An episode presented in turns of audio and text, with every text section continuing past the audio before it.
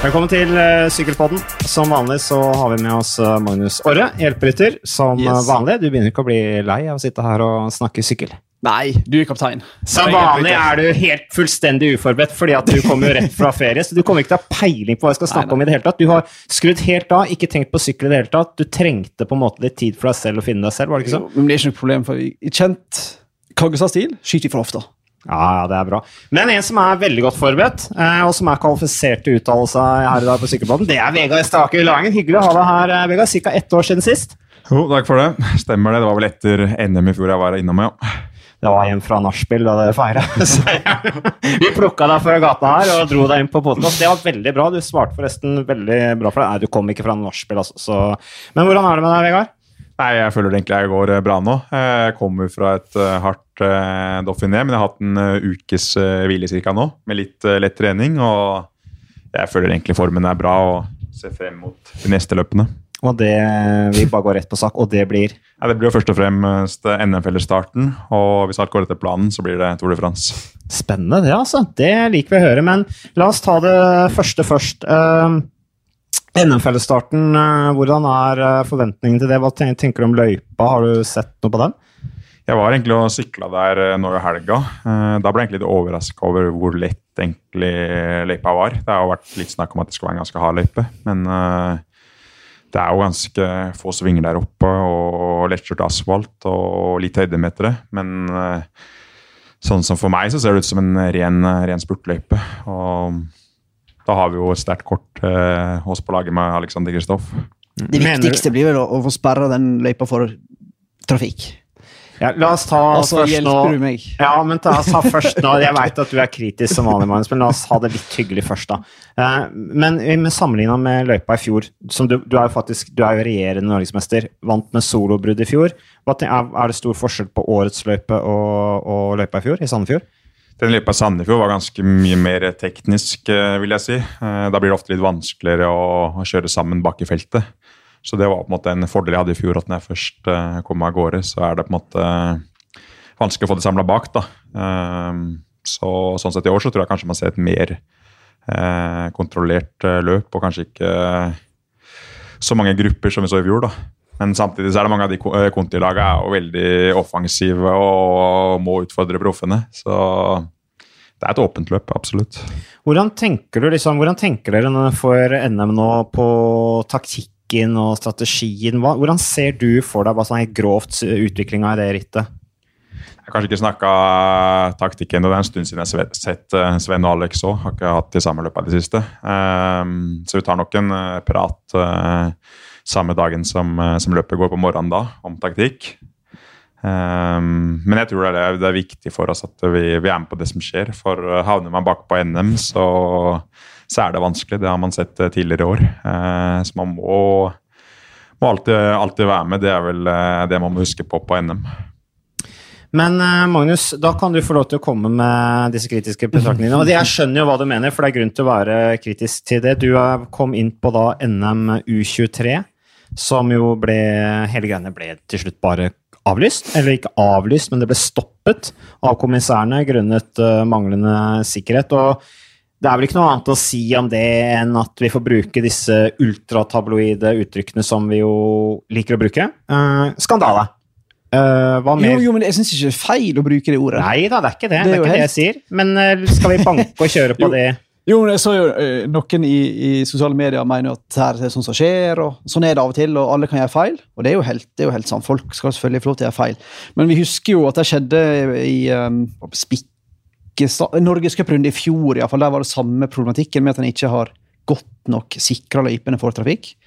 Og her var visstnok litt av problemet at uh, biler som kom inn, ikke hørte på vaktene og bare kjørte på. Så det er jo helt sjanseløst, da. Men uh, jeg vet ikke, når det var så masse styr med å først få, få arrangert et NM, og så gjør du det, og så blir ikke det noe av, tenker jeg det var utrolig kjipt. Det vet du mer om, Vegard, sånn, som unge ryttere som på en måte garantert har dette som et sesongmål.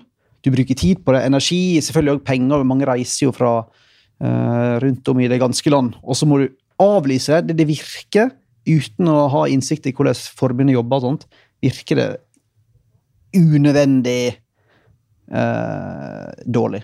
Enkelt og greit. Eh, det må være utrolig surt for de gutta som står der og bare må dra hjem istedenfor å kjempe om en Norges uh. Ja, det må være utrolig surt. Det er faktisk det første gang det skjer egentlig i historien ja. nå. Så det er litt rart egentlig med den utviklinga Sikkel har hatt. Så, så burde det egentlig bare gå framover. Men nå er det et stort steg tilbake. Um, så det er, det er veldig, veldig kjedelig. og mm det er jo synd på alle, synd på alle parter. Ja. ja, og så er det jo stor forskjell på arrangørene òg. Og så ser det jo også ut på meg som at det er en utfordring å arrangere sykkelløp visse steder i, i landet. Eh, hva gjelder bl.a. sikkerhet og respekt for rittet. og Kanskje kan det ha vært for dårlig informasjon til lokalbefolkninga, at de rett ikke visste hva som, det, og, hva som skjedde. og I tillegg så høres det ut som bilistene har rett og slett bare ignorert de ordrene de har fått fra mm. vaktene, og at vaktene har jo null autoritet, tydeligvis. Så det er jo et varsko, tenker jeg. Uh, og som Vegard sier, et uh, steg tilbake. Så det var rett og slett trist. Ja, har, har, du opplevd det? At det kom biler imot i sykkelritt? Det har vel vært litt tendenser til det. Mm. jeg har faktisk også vært vært på løp der det har blitt dødsulykke av det òg, da i Italia. Så så det kan skje. Uh, så Sånn sett var det bra at de fikk stoppa løpet, i alle fall. Men, uh, men uh, det er alltid det på, på, mindre løp som ikke har den høyeste kategorien, så er det alltid en utfordring det å få, få stoppa mest mulig mm. av bilene. På større løp så har jeg ikke opplevd det i det siste. Så det er mange år siden jeg har vært med på det. Men når det skjer, så er det veldig ubehagelig. For man, man som sykkelrytter er egentlig vant til at alt er sperra, så plutselig kommer det biler rundt en sving, og da er det hjertet rett i halsen med en gang. Så hva slags ulykke var det du snakka om nå? Italia, sa du? Italia, i et sånt uh, klatreløp jeg var med på da. Um, jeg var med å kjøre, kjøre, kjøre, i teten, så jeg så ikke noe til ulykken. Men jeg hørte etterpå at det hadde skjedd da i, i gruppettoen ned fra et fjell. Mm. Og så hadde det stått da en bil uh, i en sving uh, sånn at rytteren hadde ikke sett den og kjørt rett inn i bilen. Og han rytteren da omkom nesten mm. med en gang, ja. Så, så det var veldig trist å, å være med på. Vi slapp heldigvis uh, unna den type ulykker uh, på dette U23-NM-et, som altså ble avblåst da i går 23.6. Men uh, over til noe helt annet. Nå har vi altså kjørt uh, Criterion Dauphiné er gjennomført. Der var du med, Vegard. Fullførte det med stil. vi har gjennomført alle oppkjøringsrittene til uh, Tour de France, Slovenia rundt, ZLM Tour uh, og også Sveits rundt, som jeg også kommenterte mesteparten av. Du var med å kommentere første helga, Magnus. Og hva sitter vi igjen med etter etter disse oppkjøringsrittene. Vegard, hvem tenker du er den klare favoritten til Tour de France? Nå kan du kaste terninger, for det gjorde vi nemlig i forrige podkast. Og vi er ikke ferdig med å kaste terninger enda. Du får terningkast seks, Magnus, og det gjør du også, Vegard. Eh, men hva gir du Hvem tenker du er den største favoritten, og hva er i så fall terningkastet du gir vedkommende? Nei, nå må jeg egentlig begynne å tenke litt der. Eh, for det er liksom, Når jeg er på løp, så tenker jeg mest egentlig på vår egen sammenlagt sammenlagte kaptein, og det er Dan Martin. Uh, terningkast? Får vi et terningkast på kapteinen? Ja, jeg føler han eh, har vært så sterk, uh, men han er langt fra den største favoritten. Men uh, føler det blir en firer eller en femmer. Og så får vi bare håpe at han er på oppadgående form og presterer når det gjelder i turn. Du er oppe på en femmer, ja? Jeg syns han har virka, virka, sterk og egentlig prøvd å holde en litt lav profil, kanskje. så det gjelder nå å se om han virkelig får det til i torn. Mm, det er jo spennende. Men uh, jeg kommenterte jo Sveits rundt, som sagt.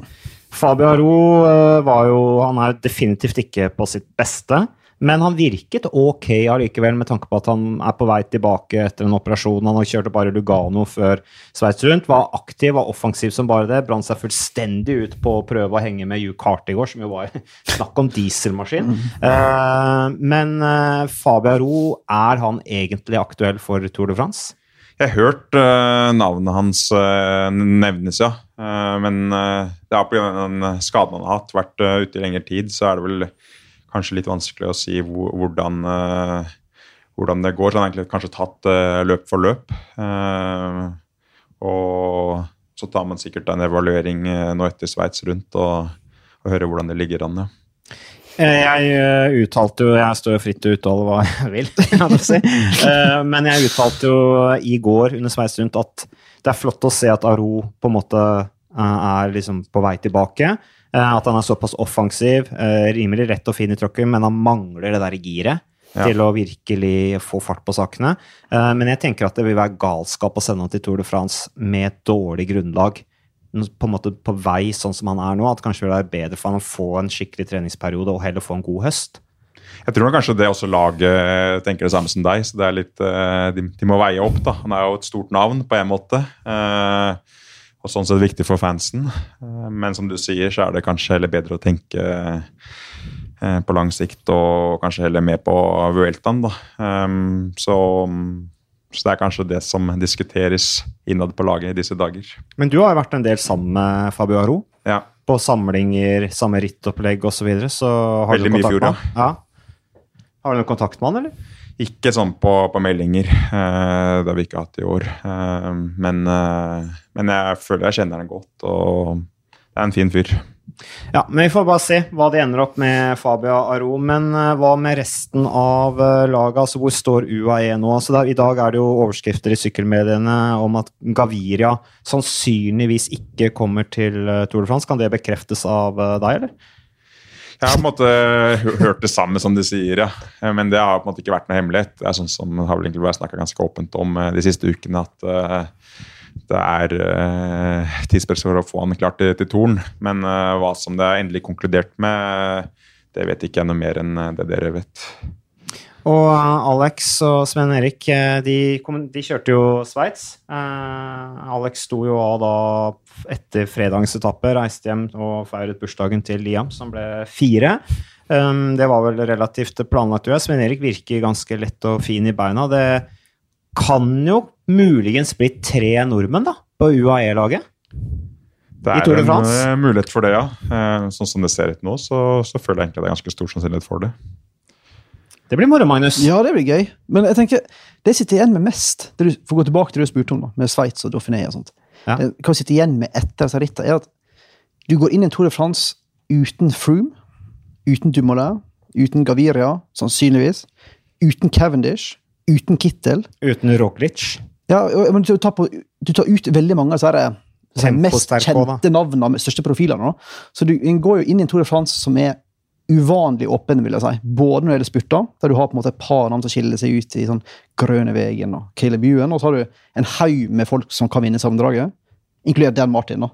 Men du går liksom inn i en vidåpen Tour de France, da, mener jeg. Og det er utrolig kult, for Tour de France er jo ofte rittet som er si, mest låst, som følger mest rutine, som følger mest eh, eh, reglene i sykkelsporten. Eh, så det tror jeg blir veldig gøy. Det har jo blitt vært litt sånn forutsigbart Tour de France. eh, og den, jeg vet ikke om du er enig med meg i det, Vegard, men jeg har jo liksom sett på som Chris Rooms som liksom egentlig en suverent Hvis du skal gi ternekast, da, så han eneste med ternekast seks, da, har jeg tenkt eh, før årets Tour de France. Så kommer den velten ut av det.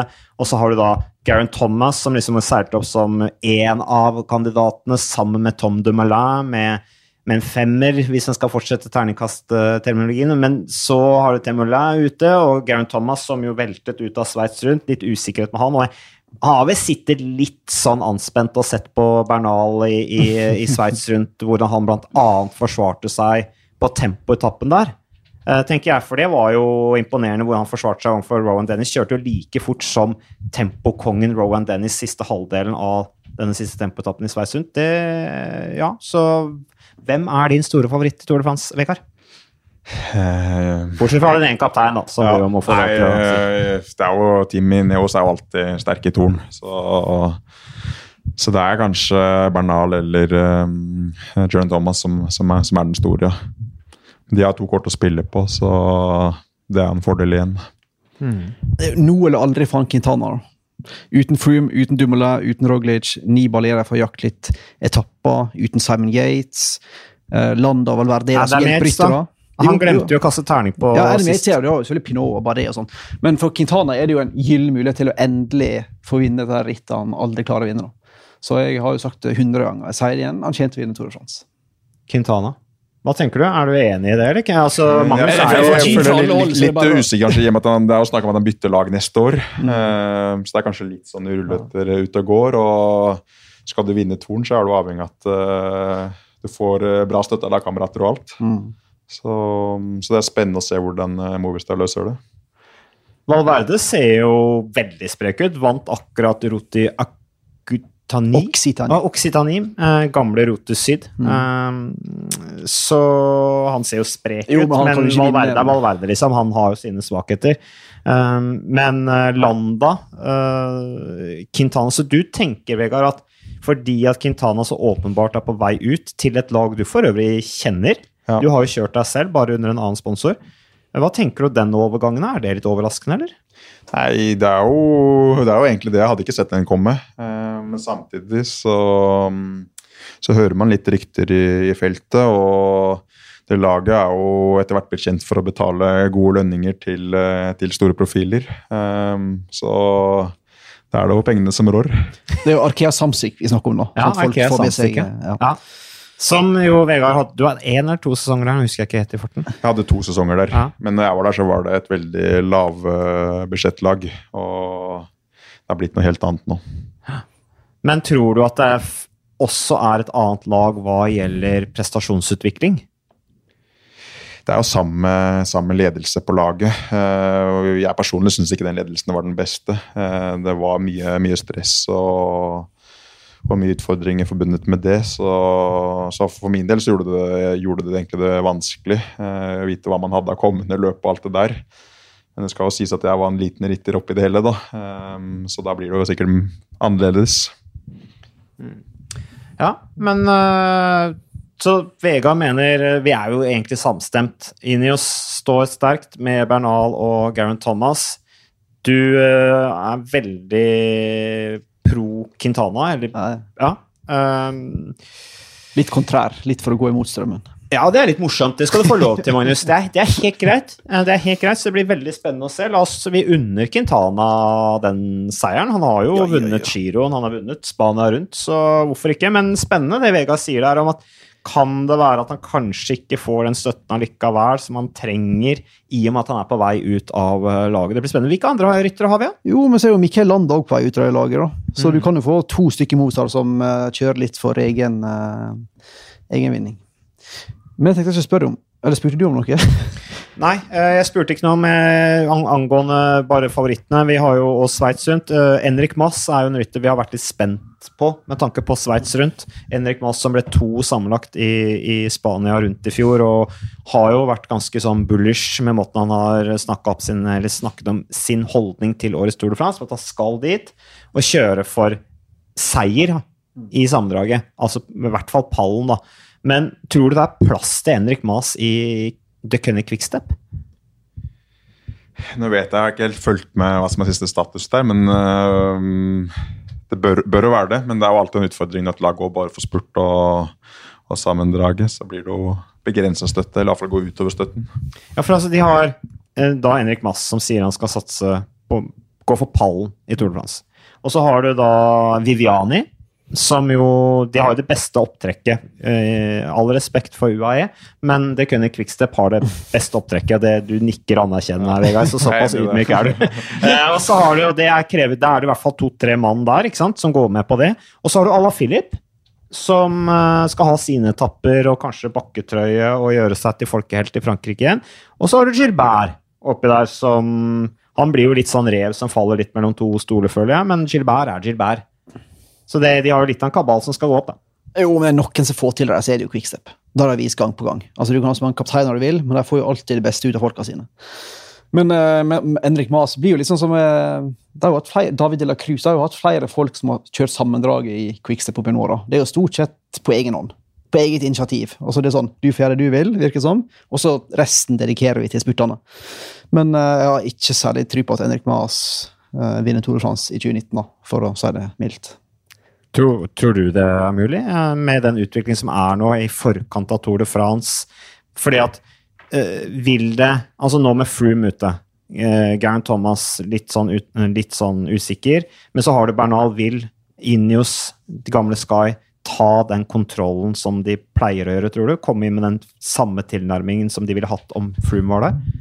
Jeg tror egentlig det. De har jo fortsatt fjorårsvinneren på laget. Så Ineos de kjører alltid alle løp på samme måte, nesten. Så jeg tror de, kommer dit og tar kontrollen med en gang, ja. Ja, det blir spennende å se. Det blir spennende å se. Men eh, Det vil du si noe om? Ja, ja, ja. Jeg har spørsmål til Vegard. I fjor så sykla du jo Giro og Vuelta sammen med Ja. Aro. Og i år har du sykla Dauphiné med Martin, du sykla litt eh, klassikere, Brosens klassikere. Ja. Du var sykla et i i UAE, var du vel? Hva slags eh, leir i UAE tilhører du nå? liksom? Er du en av Dan Martin sine gutter, eller er du fortsatt litt sånn Aro, eller er det Kristoff sin gjeng, eller hvor er du eh, mest hjemme? Nei, sånn som jeg ser det nå i år, så føler jeg egentlig ikke at det er sånn eh, knyttet opp mot en bestemt rytter, men eh, jeg blir ofte tatt ut i de løpa der de trenger en eh, arbeidshest. Eh, og i år så har det da blitt i de løpa du nevner, og der har Dan Martin og, og Alex vært det. Så det er egentlig litt tilfeldig egentlig hvem, eh, hvem ryttere ender opp med, men uh, det er laget liksom stiller med et sterkt lag, og de må ha folk til å, til å taue, så, så blir jeg gjerne tatt ut dit, ja. Hva liker du best, da? Etapperitt eller eh, klassikere? Nei, etapperitt, definitivt.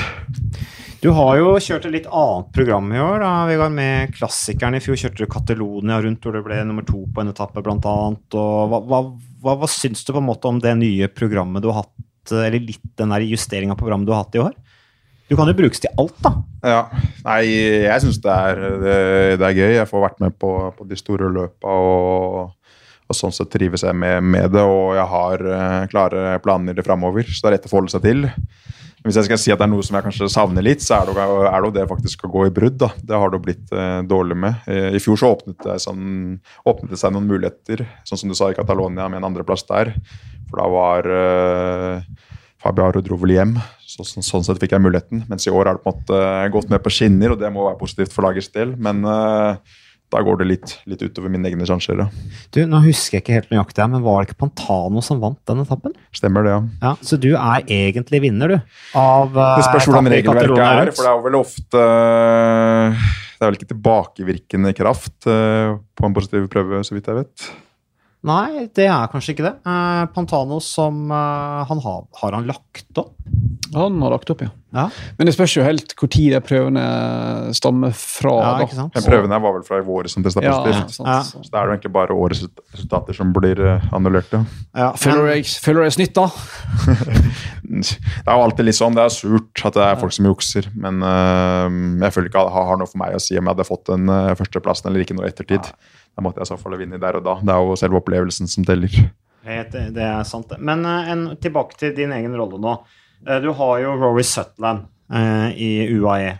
Eh, og så har du deg, som er sånne skikkelig arbeidshester. Eh, I Quickstep så har du Tim de Klerk, som jeg syns ligner litt. på en måte At du, du har noen sånne ryttere med sånn utprega stor motor som kan sitte og kjøre og kjøre og kjøre time etter time, dag etter dag.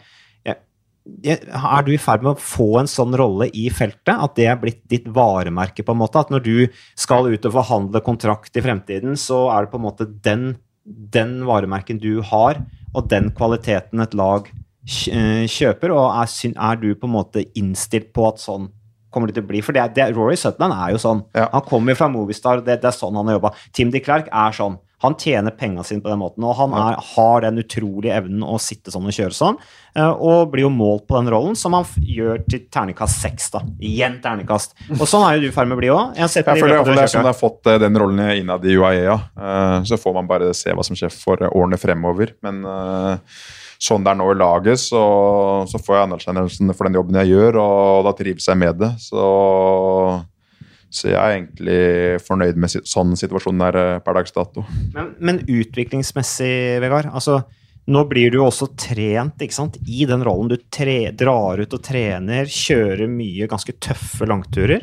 Ja. Uh, og, og det er jo for å på en måte uh, bli god til å sitte og kjøre på den måten der. Ja. Hvordan er det sånn rent utviklingsmessig, hvis du ser deg selv Du har jo lyst sikkert til å vinne ritt sjøl, gå i brudd, ha den der spruten til å angripe. Ja. Mister du ikke litt det i den rollen der?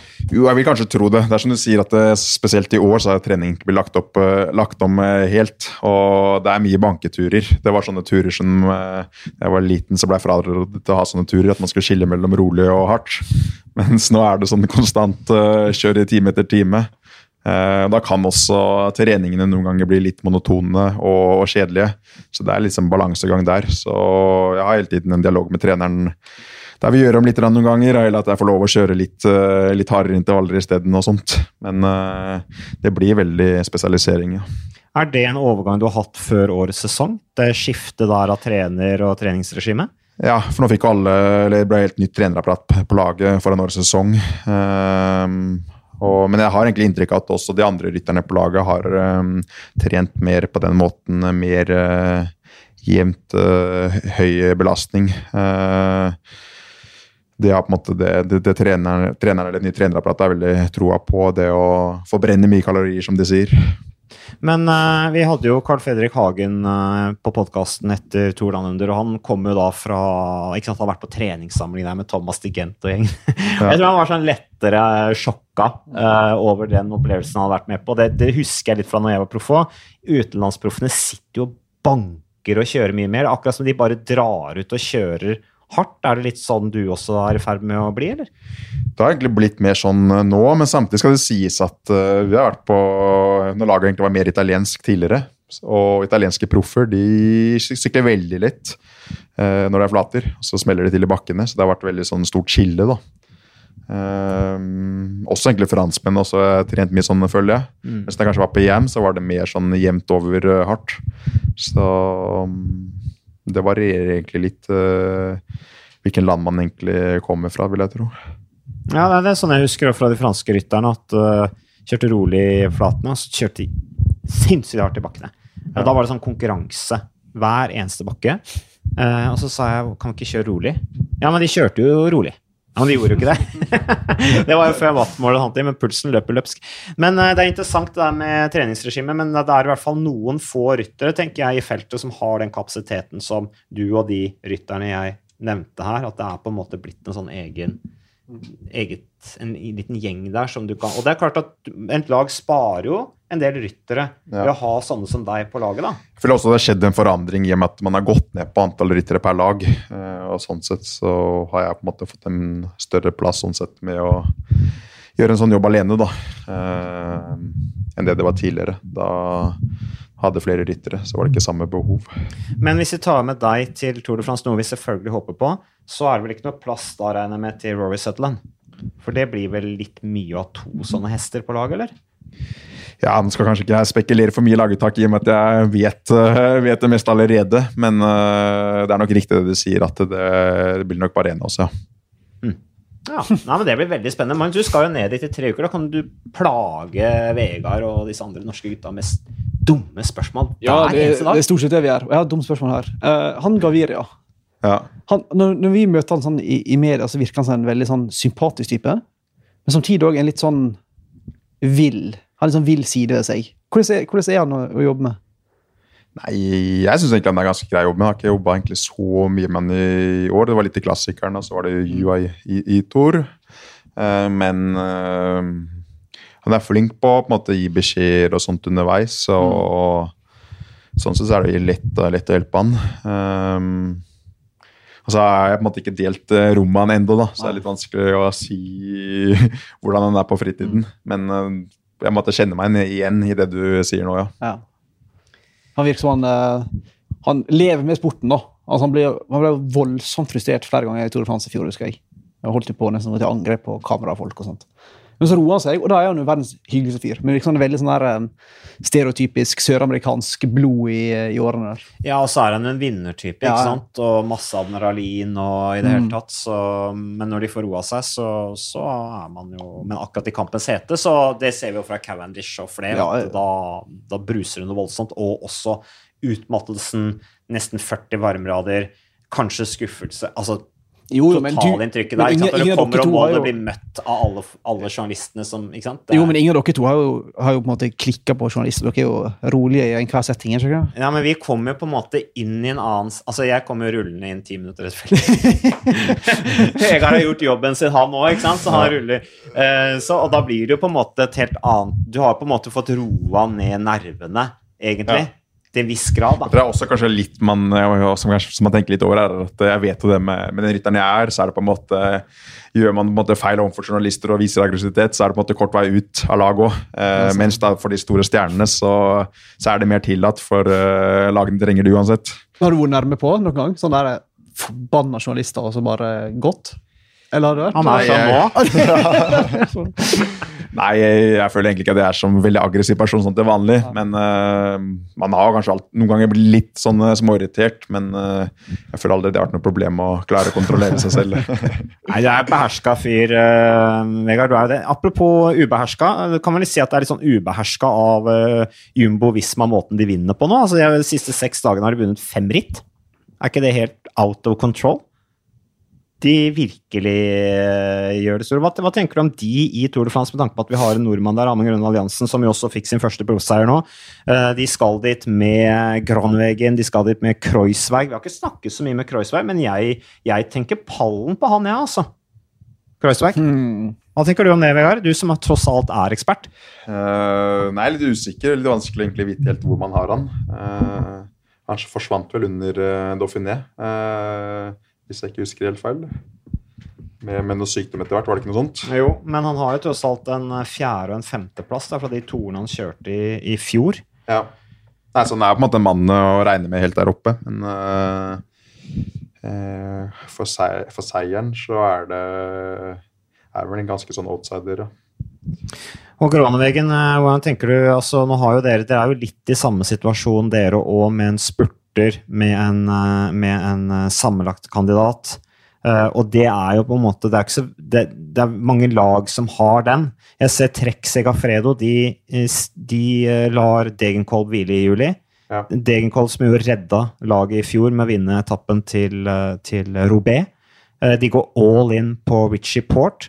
Eh, hva tenker du om en sånn strategi? Blir ikke det voldsom belastning på Richie Port? Tror du ikke det ville bare vært bra for ham å ha en annen å, å, å spille på? Er ikke det litt sånn moderne, moderne måte å drive lag på? Jo, det er jo egentlig det. Da blir det på en måte Laget har jo mer, mer sjanser, ja. Så, um, så det er litt interessant hvordan de har eh, løst det der. Um, men det er kanskje, jeg vet ikke helt, det blir jo spekulasjoner, men Degenkolb bytter vel kanskje lag neste år, ut fra det jeg har hørt. Så det kan hende at det, det ligger litt i det. Det er noen lag som måtte uh, gjøre det på den måten at det fortsetter å rykke på laget, så får du ikke kjøre torn.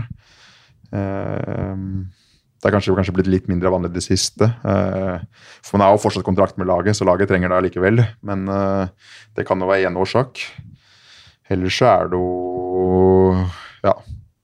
Det er kanskje hva, hva Richie Port selv har sagt, og hva, hva han ønsker. og Kanskje laget velger å gi han uh, 100% støtte for å se hvordan, uh, hvordan det kan gå i år.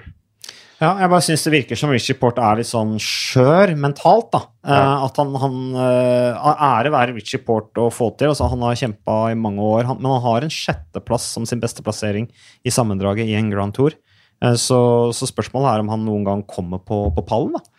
Ja, ja det er i så fall, i så fall i år. Det er da en veldig stor mulighet til, til å klare det. I hvert fall når det begynner å bli litt frafall etter hvert. Men apropos det med Du som nevnte Degenkolb. eh, Nå husker ikke jeg hvilke lag det han som er ryktene sier om han. Har du, hva har du hørt der? Eh, var kanskje Lottos og Dol. Ja, stemmer det. Det var det. Mm. Men uh, Michael Matthews også, uh, over til Sunweb. altså Vi har vært inne på Demoulin, som, uh, som er, eh, er ute. De også stiller jo litt sånn blotta nå, eh, Ja. før, før eh, Tour de France. Eh, og Michael Matthews har uttrykt eh, i hvert fall noe som ganske klart kan tolkes som frustrasjon på måten den Alt har blitt lagt i én kurv, da Ja. med, med, med Tom Demelay. Og han sier jo også at uh, han har ikke trent sånn som han ellers ville gjort, fordi at han skulle hjelpe Tom Demelay, men han ser jo ganske skarp ut, Michael Matthews. Vil, man vil jo anta at Sunweb bygger noe rundt han i Tour de France? Ja, jeg vil jo, vil jo tro det. Uh, Michael Matthews er jo alltid, alltid sterk. Han er en av de spurterne som går eh, best oppoverbakke. Så han vil jo alltid ha mange vinnermuligheter. Hvor mye har du satt deg inn i, inn i løyp, Tour de France-løypa? Jeg har vel egentlig ikke sjekka så mye. Eh, Vanligvis tar jeg egentlig løp for løp. Og så liker jeg å ha litt sånn kobla mentalt mellom løpa. Så jeg er liksom ikke begynt å forberede så mye, mye enda på den Tour de France-løypa. Men uh, jeg har i hvert fall fått med meg at det er en lagtempo mm, veldig tidlig der, da. Så jeg tok med, jeg med temposykkelen hjem til Norge nå for å få trent litt ekstra på den. Det er, uh, kanskje ikke så, uh, det er kanskje ikke så lett å forberede seg for mye til ritt før man er helt sikker på at man skal kjøre òg? Ja, men sånn som det er, egentlig er nå, så føler jeg at uh, jeg forbereder meg 100% og så er det det egentlig jeg har fått beskjed om. og Jeg har ikke fått noen, uh, noen andre signaler, egentlig. Men man går jo alltid og venter på den, den endelige bekreftelsen. Men uh, nå har jeg sykla en del år, så jeg vet at hvis man begynner å tvile og bli usikker, så bruker man mye energi på det. jeg får ikke gjort noe fra eller til, så så sånn, eh, sånn sett sånn mentalt så er det egentlig bare å fokusere 100% på Torn, og så får man heller uh, ta det som det kommer. Men du er jo en fyr som jeg har fulgt, I alle de åra jeg har fulgt med på deg, ja. uh, så er du jo en fyr som er veldig flink til å omstille deg. Du har jo vært igjennom noen ganske tøffe påkjenninger sånn med tanke på uvisshet rundt fremtiden. Du har vært på flere lag som har vært lagt ned, ikke sant, hvor ja. du har vært der. Uh, så akkurat på det mentale der, så er du tydeligvis veldig god da, å fokusere på det du faktisk kan gjøre noe med. Noe, har du tenkt reflektert noe selv over det, eller? Nei, det har egentlig bare blitt sånn eh, opp gjennom åra. Uh, mens nå på UAE så har det på en måte blitt, uh, blitt veldig bra. Der er det lett å forholde seg til lagledelsen og alt. og det er et lag med en stabil sponsor og lite usikkerhet sånn sett. Så det er egentlig stor kontrast fra det jeg har hatt tidligere i karrieren. nå. Hvordan syns du laget UAE har utvikla seg sånn på ledelsessiden og trenersiden, og de har jo forsterka ledelsessiden nå, uh, dette året her, blant annet med Alan Piper inn. Ja. Han australieren, hva heter han igjen? Han, uh, Neil. Neil. Ja, ikke sant? Som, uh, som jo er til uh, proffsyklist, vunnet etappe i Tour de France, kjørt i Festina og Onse, blant annet. hvordan har det utvikla seg på den delen? Nei, jeg syns det har blitt uh, veldig mye bedre, egentlig. Nå, nå, er vi som måte et av de, de, store internasjonale lagene. Det meste foregår på engelsk. Uh, og vi har stort uh, støtteapparat nå. Trenere er forbedra. som du sier, nye sportsdirektører. og det ser man også egentlig på resultatene, at laget presterer bedre i år. Vi rykker stadig oppover på listene. og det vet jeg at det er noe som gleder gutta nede i UAE. Hvor mye ser dere til disse sjeikene? I år har jeg faktisk ikke sett de, bortsett fra når vi var eh, på besøk nede i Dubai, da. Men uh, tidligere så er det kanskje De pleier å ta, ta, ta seg en tur til etter Torn, det er vel det. Og da kommer de med beduintelt og full pakke, eller? Nei, det er vel litt mer nøytral stil når det er her i Europa. Men du har ikke ridd på kamel? Ikke gjort det ennå. Men du, du sykler jo på, på lag med han som kanskje kan vinne Tour de France ti ganger, eller ja, ta deg Pogacar, han unge. Han vant vel California. Ja. ja ti, vinne Tour de France ti ganger var å ta hardt i, da. Men en fantastisk talent, har til åpenbaring i år. Hvordan er, hvordan er han?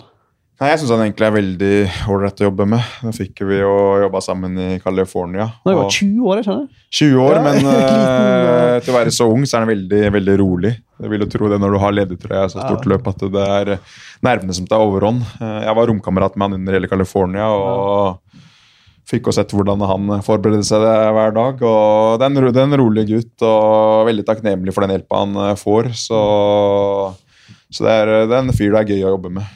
Ganske rå, da. Han er jo også førsteårs eh, mm. proff, da. Eh, og, og, vant to, to Lavenir i, i, fjor. Det er som dere sier, altså han er et av sportens virkelig store talenter. Har kontrakt med UAE ut 2020. Eh, du har også kontrakt med UAE ett år til. Og nå har jo også Sven Erik og, og Alex forlenget med, med laget, så det virker jo veldig stabilt og bra. Ja. Jeg du faktisk at Pogacar har vel enda lengre kontrakt enn det du sier. Det var vel kanskje etter Ardennes eller eh, Portugal, så var det vel ny forlengelse. Så det er kanskje sånn 2022 eller uh, langt av gårde. Så, så det Ja, og som du sier, Sven og Alex signerte nylig ny kontrakt. Så det er en bra gjeng laget har, har framover. Hvor lenge, hvor uh, ofte snakker du med Sven Erik og, og, Alex? For dere har jo litt annerledes uh, rittprogram? Ja, altså er det på en måte, de kommer fra Stavanger, jeg er fra, fra Asker, så vi på en måte har jo ikke helt den uh, Fullstendig kulturkrasj. det blir jo litt sånn at uh, når vi, når vi, er her i Norge, så trener vi ikke sammen heller. Um, så det er mest, mest på løp måtte, uh, vi møtes, og noen få treningssamlinger. Men det er ikke mye egentlig, det løpet av året. Um, I fjor så tror jeg det var vel det eneste løpet jeg kjørte med Alex, var vel faktisk NM. I år har det vært litt mer, da. Men ja, det varierer litt hvor mye det blir. Det blir i hvert fall gøy, da, med hvis det La oss si, vi får fremdeles si hvis, da, men tre nordmenn på UAE. Det, det ser ut til å kunne bli fem nordmenn i eh, Tour de. France. Seks, ja. Faktisk. Kroner Jansen, Eiking, Edvald pluss tre nordmenn. Ja, i UAE. Ja, ikke sant. Seks du- blir det. Mm. Vi hadde jo egentlig ikke regna med deg, Vegard, før inntil nå nylig. Så det, er jo, det blir ny rekord, det. I antall norske deltakere i Tour de France. Den store utfordringen for dere da, Vegard, blir jo å ikke sitte bak i feltet og, og preike og kose dere. Ja, vi har alle radio, så da får du alltid klare og krasse beskjeder. Så nei da. Det blir jo alltid hyggelig det å ta en eh, prat inn iblant. Men uh, det blir ikke noe avslapping i torn, dette vil jeg på. Nei, det blir, eh, det blir en eh, spennende erfaring, eh, det er det ingen tvil om. Så, eh, men eh, først så er det altså NM da i, eh, på, ute på Holelandet. Eh, Det blir eh, Rask. Røyselandet på Hole. Eh, Det blir kjempefint. Det er gamle sykkeltraktene til meg blant annet, og Gabriel Rask. Når vi var gutterutter, trente vi mye der sammen med Birger Hungerholt og, og Ringerike sykkelklubb.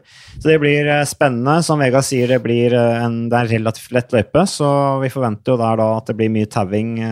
Du blir målt på det du er blitt kjempegod på, Vegard. Sitte og kontrollere i feltet.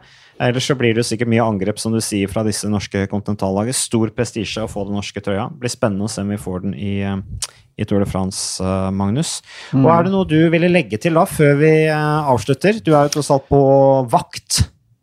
På vakt. Mm. Nei, altså Det er jo kanon at du, først, at du får med et rekordantall, etter all sannsynlighet, da, antall nordmenn i et år der du mangler par av det vi var inne på med store profilene. Så er det et stort løft. Og så er det jo Jeg vet ikke, jeg. Om, Men mangler de store profilene? nei, men du, du mangler jo et par av de store navnene som folk altså Cavendish en type, Jeg går ut fra at Cavendish ikke blir med, etter å ha sett han i, han har i Slovenia. å gjøre, ærlig talt, altså. Nei, men altså, du, Ja. du mangler et par navn, da. Men det er gøy med nordmenn, Og så er det jo litt gøy at vi kan få At du ikke må vente ut til uke tre med at Kristoff kan gå for egne, sjanser. At du får det med en gang. Uh, og så er det gul trøye inne i bildet, der, sant? i og med at du har felles start i, eh, på førsteetappen i Brussel. Det er ikke noe prolog eller noe sånt kjedelige greier, så det ligger masse i potten. Uh, og så er det meldt rekordvarme i Frankrike i sommer. Det er, ja, det er verre for deg, Vegard, enn for oss. Men jeg syns det er varmt nok til vanlig i juli i, i Frankrike.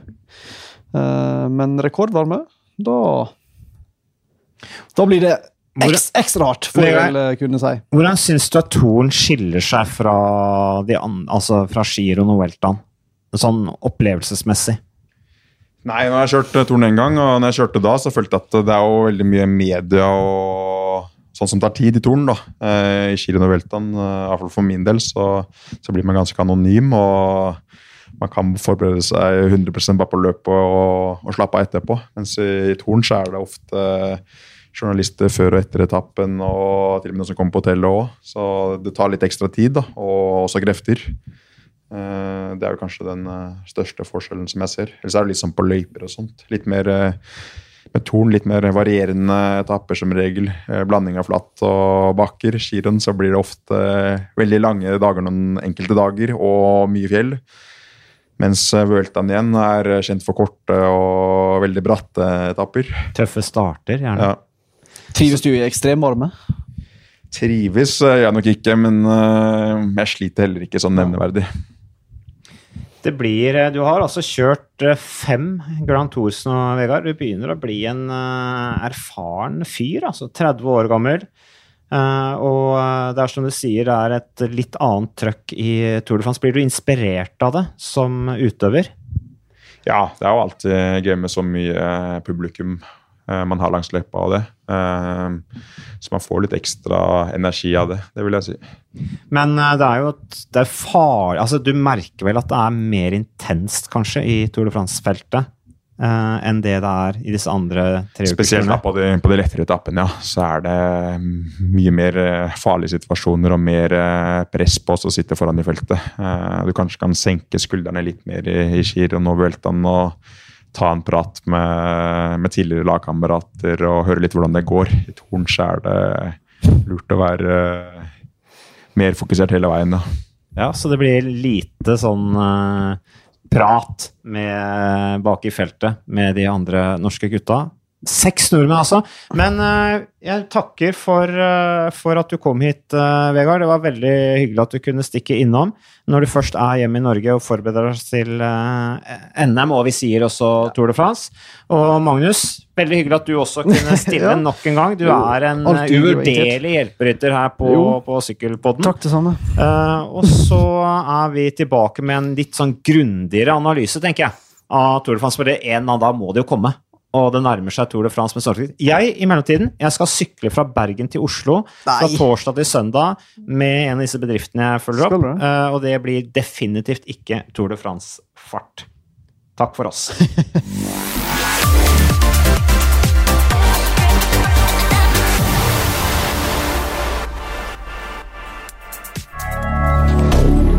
moderne media.